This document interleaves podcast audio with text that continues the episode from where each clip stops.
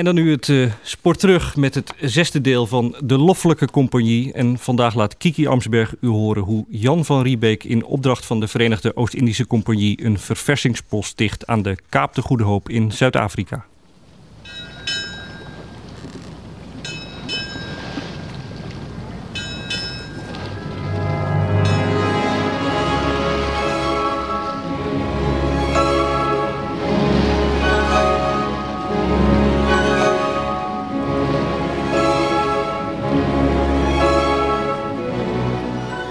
Loffelijke Compagnie. Deel 6. Kaap de Goede Hoop. Ja, ik moet weer gaan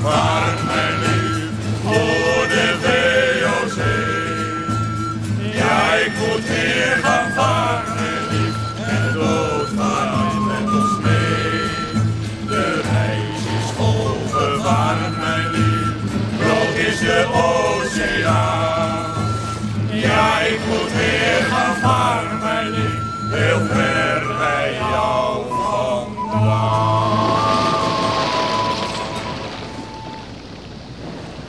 O barmhartige, goedertieren God en de hemelse Vader.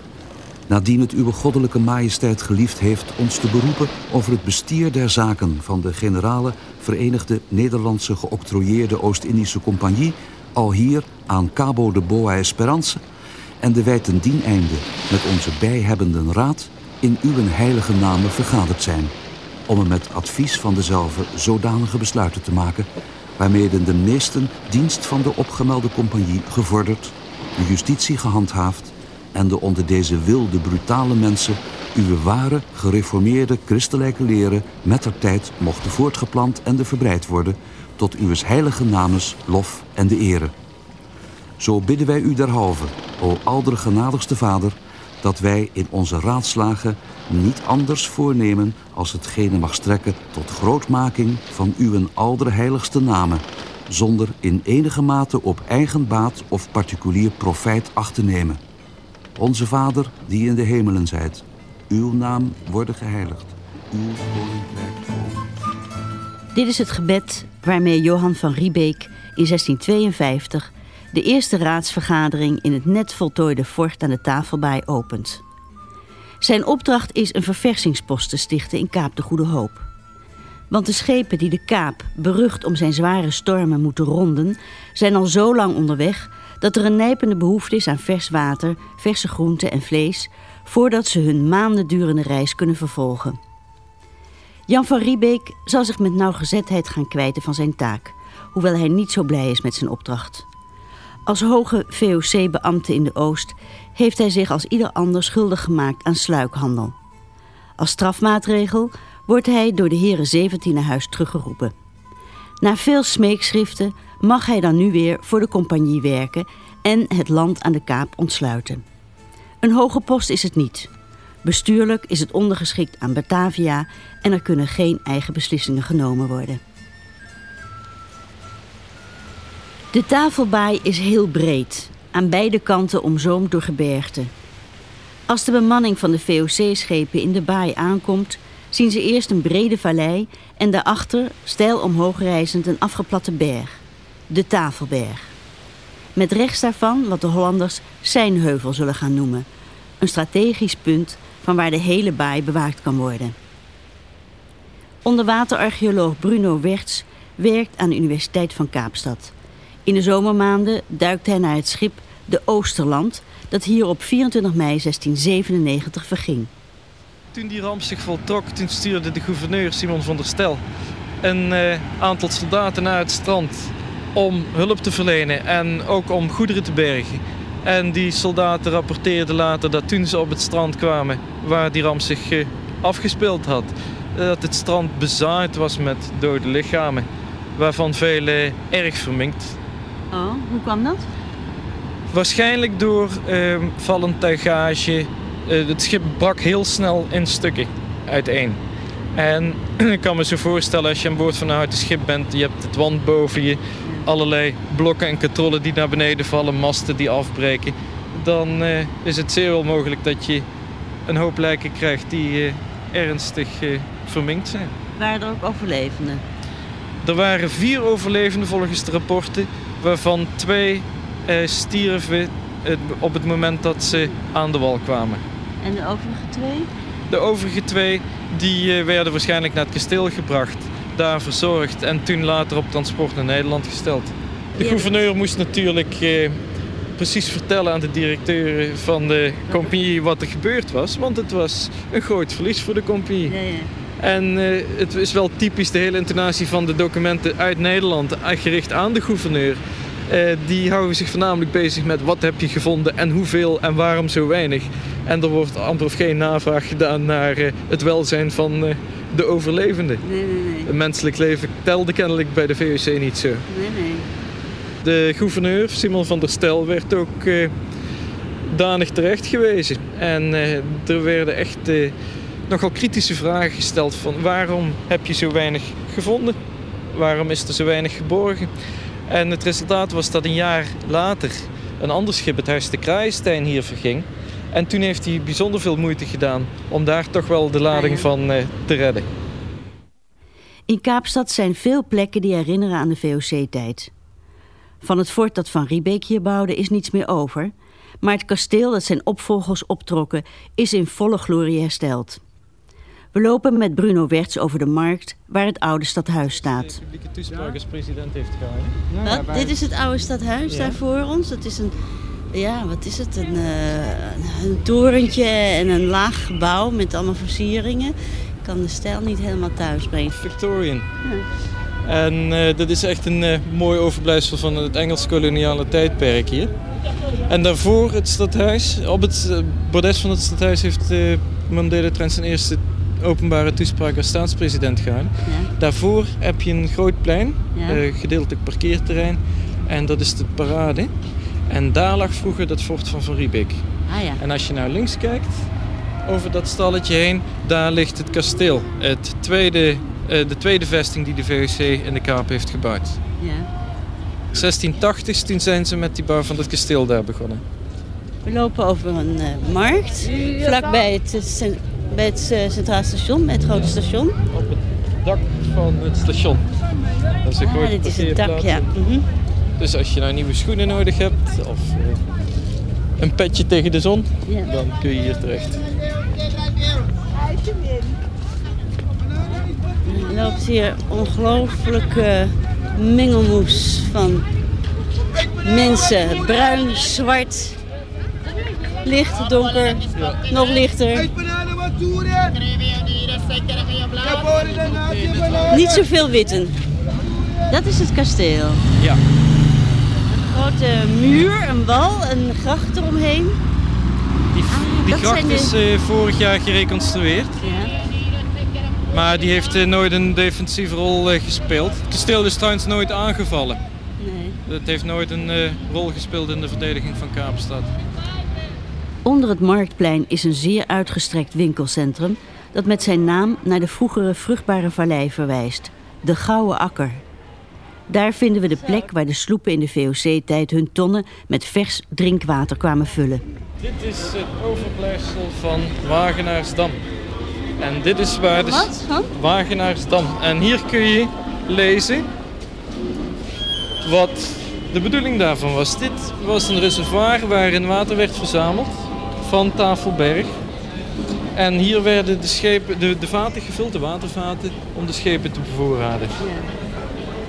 En je kunt hier lezen, zowel in het Engels als in het Afrikaans, dat hier die ruïnes is al wat overblijft van een reservoir wat in 1663 onder toezicht van Zacharias Wagenaar, die tweede commandeur aan die kaap, zo die, de opvolger van Van Riebeek, gebouwd is om die watervoorraad voor zeilschepen te verbeteren. Dat is in eh, 1975 ontdekt en wordt nu hier bewaard op de oorspronkelijke plek. Die reservoir wat van klip, dus natuursteen en baksteen gebouwd is, is opgericht in die loop van die Varsrivier, of de Verse rivier, wat van Tafelberg naar de zee ge- gevloeid heeft, dus gestroomd heeft. Dit is de hele belangrijke plek, want daarom kwamen ze hier om vers water te krijgen. Dat dat eh, absoluut noodzakelijk was om de ziektes tegen te gaan. De scheurbuik en andere ziektes die er heersten op het schip. Ja, Daarvoor, toen ze deze plek nog niet hadden, gingen er veel meer mensen op de schepen dood, hè? Absoluut. En uh, ook als je sommige oude verslagen leest van hoe we ontzettend goor dat water eruit gezien moet hebben en gestonken moet hebben. Als je dan leest dat de bemanningsleden de tanden op elkaar moeten houden of het water door een vuile zakdoek moeten filtreren om de beestjes eruit te halen, dan wil dat toch wel wat zeggen. En daar komen we weer een beetje terug op die geschiedenis van die Oosterland. Er is dus een rapport dat toen de Oosterland in Tafelbaai inliep in 1697, dat er eh, minimaal 35 mensen zwaar ziek aan boord waren. En de oorzaak daarvan was waarschijnlijk te wijten aan verontreinigd drinkwater wat in Ceylon, in de haven van Gallen, was ingenomen. Ja. Zo, je ziet dat uh, drinkwater erg belangrijk was. Ja. Naast vers water zijn verse groenten van levensbelang voor bemanning en soldaten op de VOC-schepen. Daarom legt Van Riebeek een grote tuin aan, vlakbij het fort. Met historicus Hans Heesen van de Universiteit van West-Kaapland lopen we in het park dat begon als compagniestuin en nu een botanische tuin is. Wat nie maar een van die gouverneurs, ek vergeet watter een, het 'n uh, punt gemaak daarvan om alle uh bome dwars oor die wêreld, allerlei soorte, huh? uit Indië en oral hier te plant. So van hierdie baie min van hierdie uh bome wat hier is is uh Suid-Afrikaans. Dit is almal ingevoerde bome uit uit oh, Indië, uit ja. Japan en verskillende ander Zoals de mensen eigenlijk. Ja, ja, ja, dat is een goede, goede weerspiegeling. ja. Dus uh, op een gegeven moment was die compagnietuin die was te klein. Dat was ook niet meer nodig, want er waren zoveel boeren dat er genoeg aanvoer was van verse groenten en vers vlees. Vers water was er sowieso erg veel, want het is hier uh, behoorlijk vruchtbaar. Er waren veel rivieren. En uh, toen kon die compagnietuin dus omgedoopt worden tot een soort van uh, lustoord, een park. En op de achtergrond zien we de indrukwekkende, als een soort muur, de Tafelberg. Professor Jatti Bredekamp van de Universiteit van West-Kaapland heeft onderzoek gedaan naar de verhouding tussen de oorspronkelijke bevolkingsgroepen en de nieuwkomers uit Europa. De Kaap wordt in de 17e eeuw bewoond door twee volkeren. De San, een jagersvolk dat door de Nederlanders bosjesmannen wordt genoemd, en de Khoikhoi, herders en voedselverzamelaars die Hottentotten worden genoemd. In alle reisbeschrijvingen en journalen staan de Khoikhoi beschreven als zeer vreemde wezens. Professor Jatti Bredekamp. Ten eerste zeggen, dit is duidelijk dat hulle baie negatieve beeld van die bevolking gehad het. Hulle die mensen natuurlijk beschouwen als minderwaardig. Uh hulle het hulle self gesien as Christene die heidene en daarin lê 'n groot deel ideologiese bagasie. Mm -hmm. Waarin hulle die koi-koi beskou het as nie heeltemal dier nie, maar ook nie heeltemal mens nie. Mm -hmm. Met ander woorde, die koi-koi was gesien as kan ons dan maar sê half ondier mm -hmm. en half mens. Mm -hmm. Aansluitend daarbey uh het is die onderskeid altyd gemaak. As jy nie Christen is nie, as jy nie wit is nie, is jy nie werklik mens nie. Die taal van die koi koi jy weet die klapklanke, die manier van praat het by die Hollanders hulle uh stereotypes versterk. Ah ja, en hoe, hoe gaat dat? Kunt u voordoen? Ja, omdat hulle het geglo dat die koi koi mense se manier van praat ja. klink soos 'n gekloek van kalkoene. Aha. Kalkoene. So as hulle 'n koi koi persoon praat, dan hoor hulle nie die klanke van Europa of dit nou Duits of Frans, hulle hoor dat nie. Hulle hoor ook nie die van die ooste daarin nie, maar hulle hoor 'n geklik, 'n geklak. Selfs dit, ja. En dit het vir hulle herinner aan die gekloek van kalkoene. Uit het dagboek van soldaat Carolus van der Hagen. Den vierden voerden schipper met de schuit naar de Kaap om weet te geven van ons arrivement aan de gouverneurs aldaar. Den vijfde, omtrent de middag, lichten weder het anker en voeren met een klein windje op de reden van de kaap. Ten zesde dagen wierden 105 man aan de kaap in het ziekenhuis gebracht. Daarvan naderhand 11 al daar gesurven zijn, maken met 41 die in zee gestorven waren, 52 doden tussen Zeeland en de Kaap. Al hier bleven wij 21 dagen leggen. Tot verversing van de zieken, van de welke ik 18 dagen aan de wal was, mij diverterende met allerlei plezieren van dat land. Het is een zeer duur leven, doch de wijn goede koop, het welk het principaalste was. De inwoners van dat land worden genoemd Hottentotten, een groot slag van luiden, doch de vrouwen kleen en gelijken beter beesten als mensen. In haar manieren van leven, zij gaan heel nakend, zo zij van moeder geboren zijn. Alleenlijk voor de schamelheid dragen zij een lap van een schaapshuid op de schouder, de welke zij altijd keren na de wind. Haar spraak en is bij niemand leerlijk. Zij slaan met de tong als een hond die blaft. Hebben kaffershaar, het welke zij zodanig met vet smeren dat zij gelijk nagelen staan tot hun hovardijen en de mooiheid van haar vrouwen zijn beestendarmen aan haar benen gewonden en alzo met stront en vuiligheid laten drogen, sommige van haar voeten tot boven toe, dat het haar belet met gemak te gaan. Voor de Nederlanders is de Kaap een soort paradijs. Er is veel gelegenheid voor ontspanning, er is volop vruchtbaar land en bovendien is er veel vee dat de Hollanders met de kooikooi kunnen ruilen. De kooikooi die met hun kudde rondtrekken hebben zich nog nooit zorgen gemaakt over het eigendom van het land. Maar ze hebben in de gaten dat deze Europeanen niet meer tijdelijk aan de kaap zullen zijn, zoals voorgaande reizigers. Er wordt onderhandeld via een van de Khoikhoi-leiders, Oudsmatu, die in Indië is geweest en Hollands spreekt. professor Bredekamp. Die verskil tussen van Riebeeck se koms het eers rondom tussen van Riebeeck se koms en anders uh eh, funksionarissen se koms na die Kaap het daarin gelê dat van hulle het na 3 jaar ontdek dit is nie so tydelik van aard soos die ander syn was nie. Daarom vind ons dat teen 1655 die eerste uitspraak van verzet door die kooi-kooi geuiter wordt. Toe Oudsmautu, die bekende Harry, duidelijk zijn misnoegen te kennen gegeven dat Van Riebeek vir hulle beviel om pad te gee om uh uh hulle te verwyder. Die koikoi moet hulle verwyder van hulle kampplek in Tafelvallei waar hulle hulle hutte besig was om op te rig omdat die VOC dit as 'n fort vir hulle afgebaken het. En Harry se Harry of Oudsmahu se reaksie daarop was, maar dit is ons eigen land. Mm -mm. En daarom weier ons om daarvan pad te gee of waarvan weg te gaan. Ja, ja. Die eerste werklike opstand was eers na dat die Nederlanders die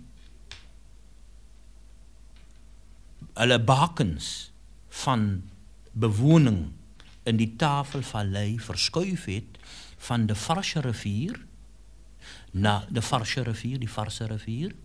Dit is waar, dit is waar uh, Adderliestraat, de Vars, ja, var, uh, ja. Verse rivier, nee, ja. vers. Dit is waar Adderliestraat vandaag is. Ja.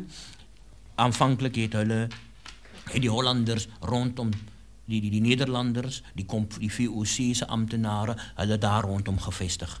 Daarom was de eerste fort was ook langs die Varsche rivier. Dus waar ons vandaag Aderliestraat heet. Mm.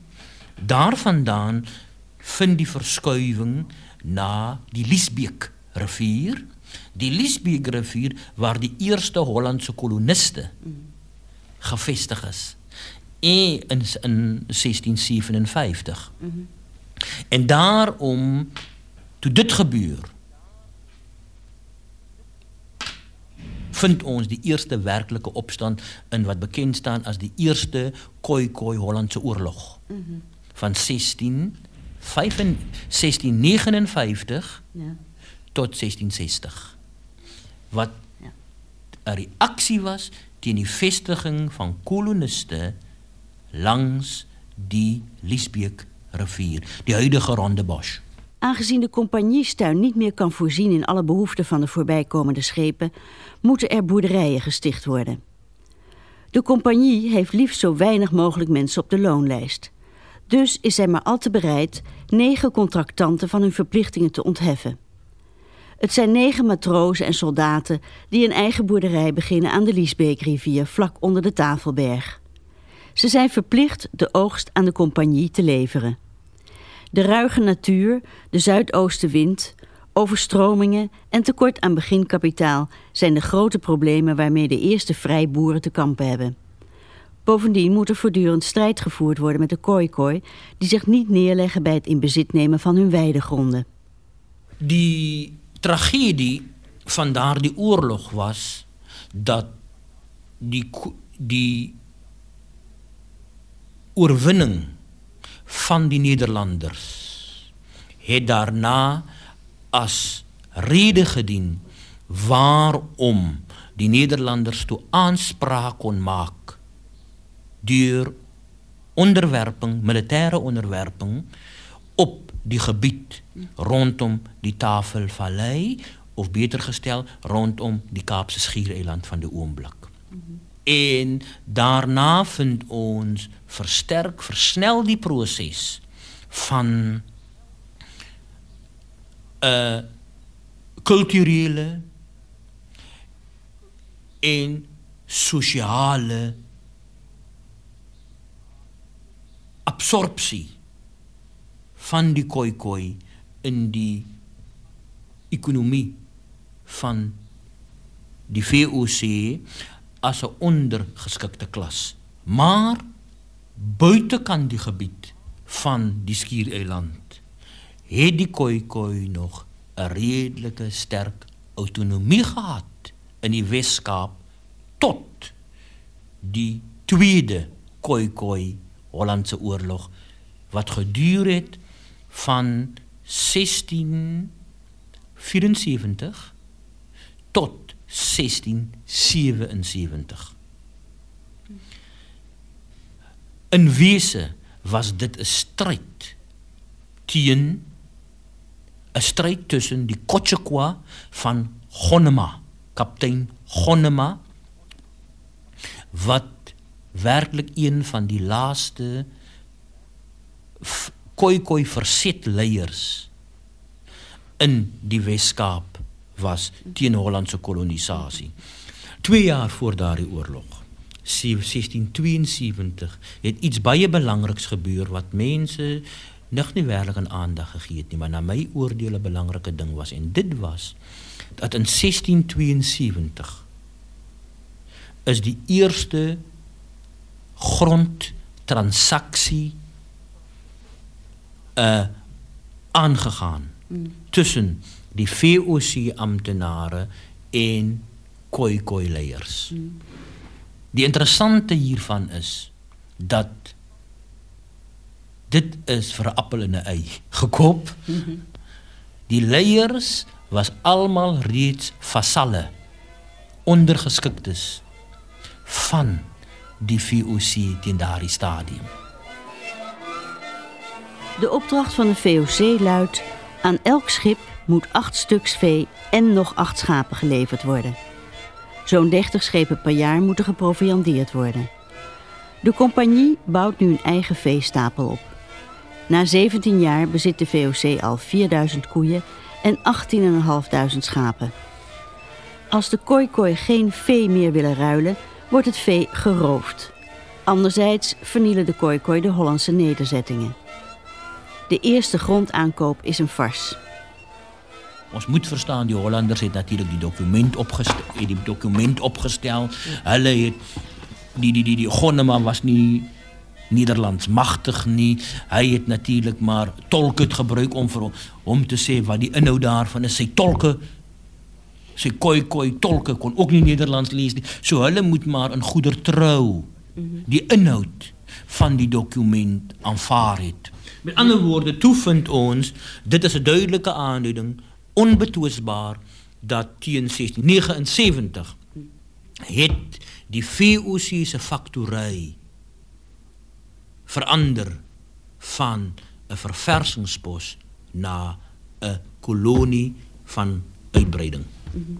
En dan vind ons daarna verskuif dit verskuif dit natuurlik hier na die Stellenbosch omgewing waar ons die eerste rivier het hè hier is nou al langs die eerste rivier ja. sien sien die al die plase rondom staan hier op de kaart allemaal namen de Kromme rivier Mosseldrift Schoongezicht voorgelegen uh, Welgevallen Libertas de Vallei Lutrij Blauwklip, de Grote Zalse, Vredeburg. Dat zijn allemaal boerderijen. Ja, allemaal boerderijen. De Watergang, Koelenhof, Patrijsvallei. Onrust en harmonie. ja, inderdaad. Pra, ja. Zo in het begin van die 18e eeuw is het duidelijk dat Europese settlers het gekom om hulle hier permanent te vestig ja, ja. in Suid-Afrika. Ja. Allen die van stormen en golven houden, moeten mannen met baarden zijn. Jan, Piet, Joris en Cornel, die hebben baarden,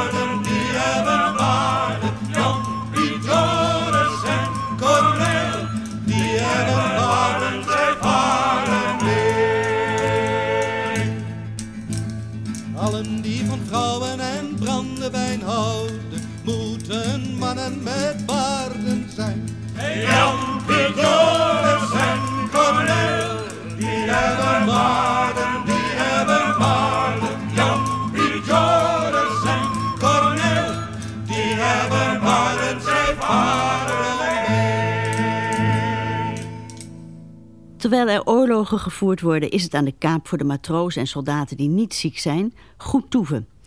Het geld dat in Indië verdiend is, wordt over de balk gesmeten. Uit een anoniem ongepubliceerd dagboek. Volgens een waarachtig getuigenis is aan de Kaap nooit goddelozer en brooddronkener bootsvolk geweest als met de suikerschepen of eerste verzending van Batavia van het jaar 1741, gooiende met ducatons of het stenen waren, en gingen met alleman te paard rijden, bonden een stuk chets aan een stok en kostelijke spijzen lieten zij als vlaggen waaien en bedekten haar paarden daarmede. En als die niet wilde lopen, staken dan een ducaton in zijn bek of naars en zeiden: Loop jou dit of dat, laat jouw baas daar vreten voor kopen. Om zich te beschermen tegen aanvallen van de inheemse bevolkingsgroepen, laat Van Riebeek een haag van bittere amandelen aanplanten. Toch is het onvermijdelijk dat er contacten ontstaan tussen Europeanen en Khoikhoi. Aanvankelijk Aanvankelijk het daar min wettelijke huwelijke geskied. Die enigste wettelijke huwelijk met kooi met 'n kooi persoon in die uh 17de eeuw waar meer ons bekend is is natuurlik die van Kratua of Eva wat met die uh chirurgyn van Meerhof getrou het. Mm. Ek dink dat die uh uh samesyn tussen Europeer en Koi Koi het veel meer op 'n ander vlak geskied en dit was natuurlik op die informele vlak, mm. op die saamleefvlak mm. en ook op die uh veral in die bekende Kaapse bordele geen wonder dat die Kaap beskou is as the Cape was the tavern of the seas. Ek meen die taverne. Ja. Die taverne van de see en die bordeel van de oceane die Kaap was uitstaande daarvoor. Uh, je weet natuurlijk dat Kaapse dames uh, redelijk aantrekkelijk ook is. Als je maar weer, als je nou weer kijkt, dan kan je maar kijken naar die typische Kaapse meisjes. Je kan, wel is nogal uh, aanvallig. De uitdrukkelijke opdracht van de compagnie luidt de inheemse bevolking niet tot slaaf te maken. De Khoikhoi zijn, zolang ze nog vee hebben, ook niet bereid zich als knecht te verhuren. Dus moeten er slaven aangevoerd worden. De eerste slaven komen in 1658 uit Angola. Daarna worden er slaven gehaald in Madagaskar. Een slaaf wordt geruild tegen twee snaphanen, dat zijn geweren, 8 pond buskruid, 3 pond kogels, 35 vuurstenen en 30 pond koralen. In Madagaskar wordt een tijdelijke factorij gebouwd. Verder worden slaven gehaald in Bengalen, India en vooral Oost-Indië. Met Hans Heesen, die aan de Universiteit van de Westkaap onderzoek doet naar de herkomst van de slavenfamilies, gaan we naar de plek waar de slaven werden verhandeld. Op hierdie plek het die ou slaweboom gestaan. Dit is dit is die oudste gedeelte van Kaapstad, die Ja. Ja. En hier agter ons is die uh, ou slawe logement. Ons noem dit die slawe losie. En hier was dus een boom en daaronder werden de slaven verhandeld. Ja, die uh, compagnie het slawe het die monopolie gehad om slawe in te voer na Suid-Afrika uit uh, Wes-Afrika aanvanklik, dan uit Madagaskar, uh, Mosambiek, maar 'n groot deel van die slawe het gekom natuurlik uit uh, Nederlands-Indië, uh, uit Bengale, uit uh, Indiese vasteland ook. En dan is hulle gebring na die Kaap deur slaweskepe of gekoop deur die compagnie.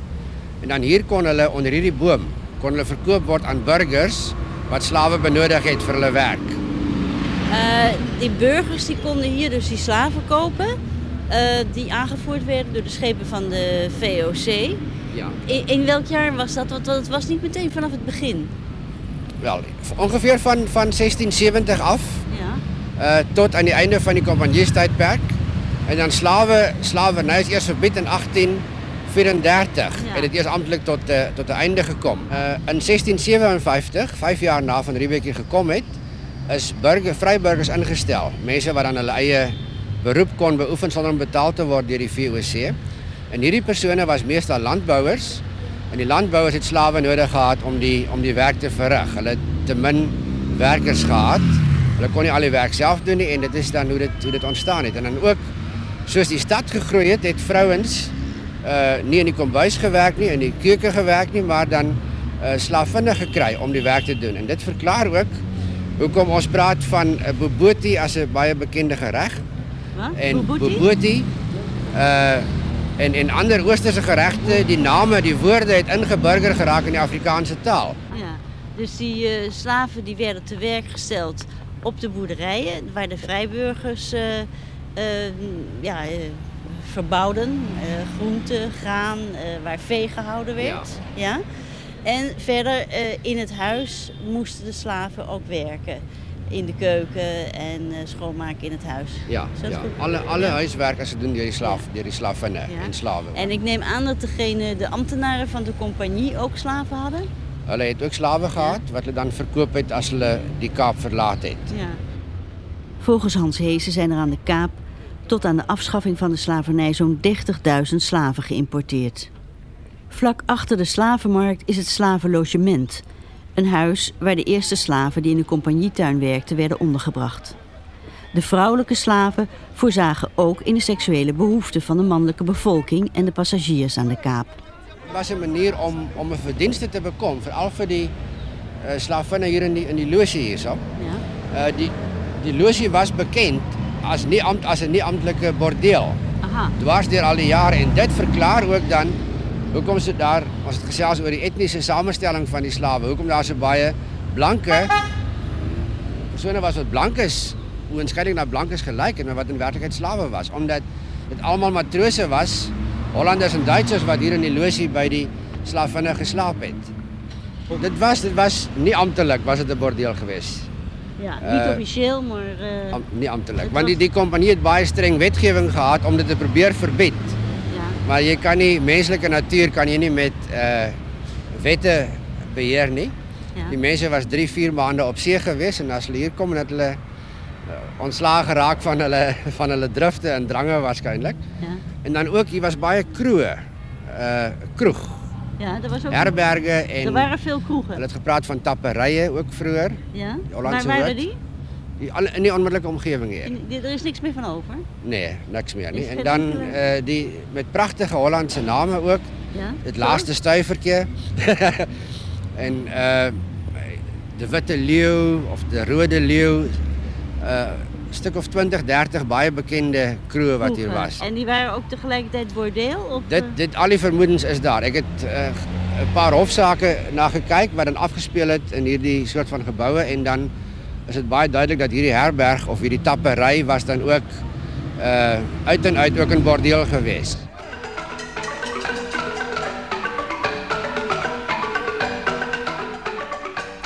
In het fort van Van Riebeek en in het kasteel van de latere gouverneurs wordt recht gesproken door de Raad van Justitie. Compagniedienaren of officieren krijgen vaak mildere straffen dan wanneer het slaven of kooikooi betreft. Niet alleen de bewoners van de Kaap worden hier berecht en gevangen gehouden op Robben-eiland. Vanuit Azië kunnen blanke misdadigers, deserteurs, slaven, maar ook religieuze Mohammedaanse leiders en prinsen naar de Kaap verbannen worden. De doodstraf bijvoorbeeld, uitgesproken tegen Catharina van Paleacate, een slavin uit Malabar, die een steen naar de edele delen van haar meester had gegooid, waardoor deze na vier dagen overleed, werd in Batavia omgezet in levenslange verbanning aan de Kaap. Doodvonnissen zijn aan de orde van de dag en worden uitgevoerd aan de voet van de Zijnheuvel. Zaterdag 24 september. De slavin Clarinde van Batavia, de brandstichter, wordt aan een paal in een ijzeren beugel met een keten recht overeind staande gehouden, voorts door het rondom gestapelde en in brand gestoken hout levendig tot as verbrand. Ik zit hier in een gierende wind, vlakbij de zee, op het uiterste puntje van Zuid-Afrika. We zijn vanuit de Tafelbaai 50 kilometer doorgereden tot aan de punt bij Kaap de Goede Hoop. Om daar dat gevaarlijke punt waar veel schepen op de pletten geslagen zijn, eindelijk te kunnen zien. Op hun weg naar de oost en van de oost moesten ze hieromheen. Om de Kaap de Goede Hoop en om de punt die er even verderop ligt. En die eigenlijk nog vervaarlijker is en nog hoger en waar de golven nog hoger tegen aanslaan. De Kaappunt. En zoals u kunt horen is hier een gierende wind. De zuidoosterwind die hier een paar maanden per jaar waait. En waardoor je je makkelijk kunt voorstellen dat de schepen te pletter sloegen tegen de rotsen. Het was Kaap de Goede Hoop op de hoop van zegen.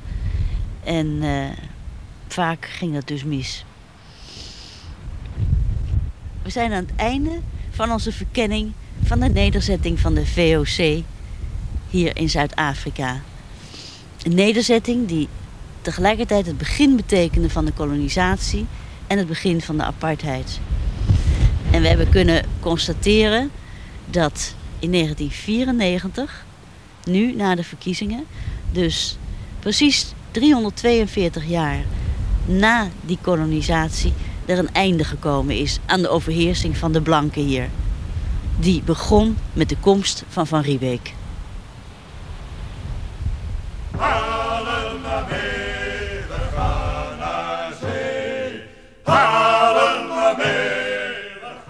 Ja, met het lied Haal hem maar mee door het muziekgezelschap Dwarsgetuigd besluiten we het zesde deel van de Loffelijke Compagnie, samengesteld door Kiki Amsberg. Met dank aan Antonia Malan en de heer De Wet van het archief in Kaapstad en met dank ook aan het Stimuleringsfonds Culturele Omroepproducties. U kunt deze uitzending bestellen door 10 gulden over te maken op Giro 444600 van de VPRO in Hilversum onder vermelding van Het Spoor Terug en de VOC deel 6.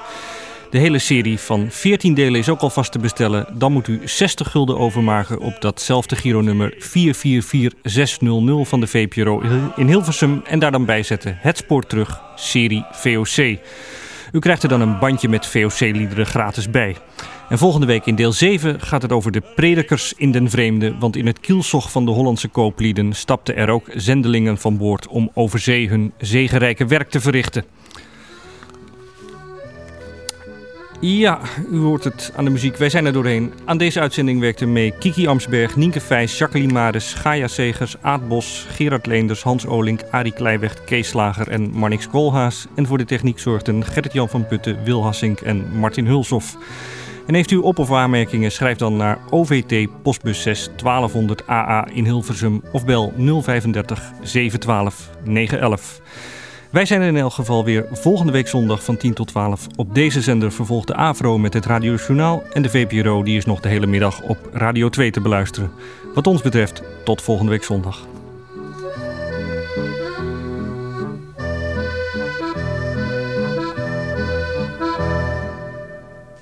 Daarmee, geachte luisteraars, laat ik u over aan de verpozing die de radio u plicht te bieden. U kent dat wel. U rijdt ochtends weg en uw voorruit blijft maar beslaan. En wat u ook doet.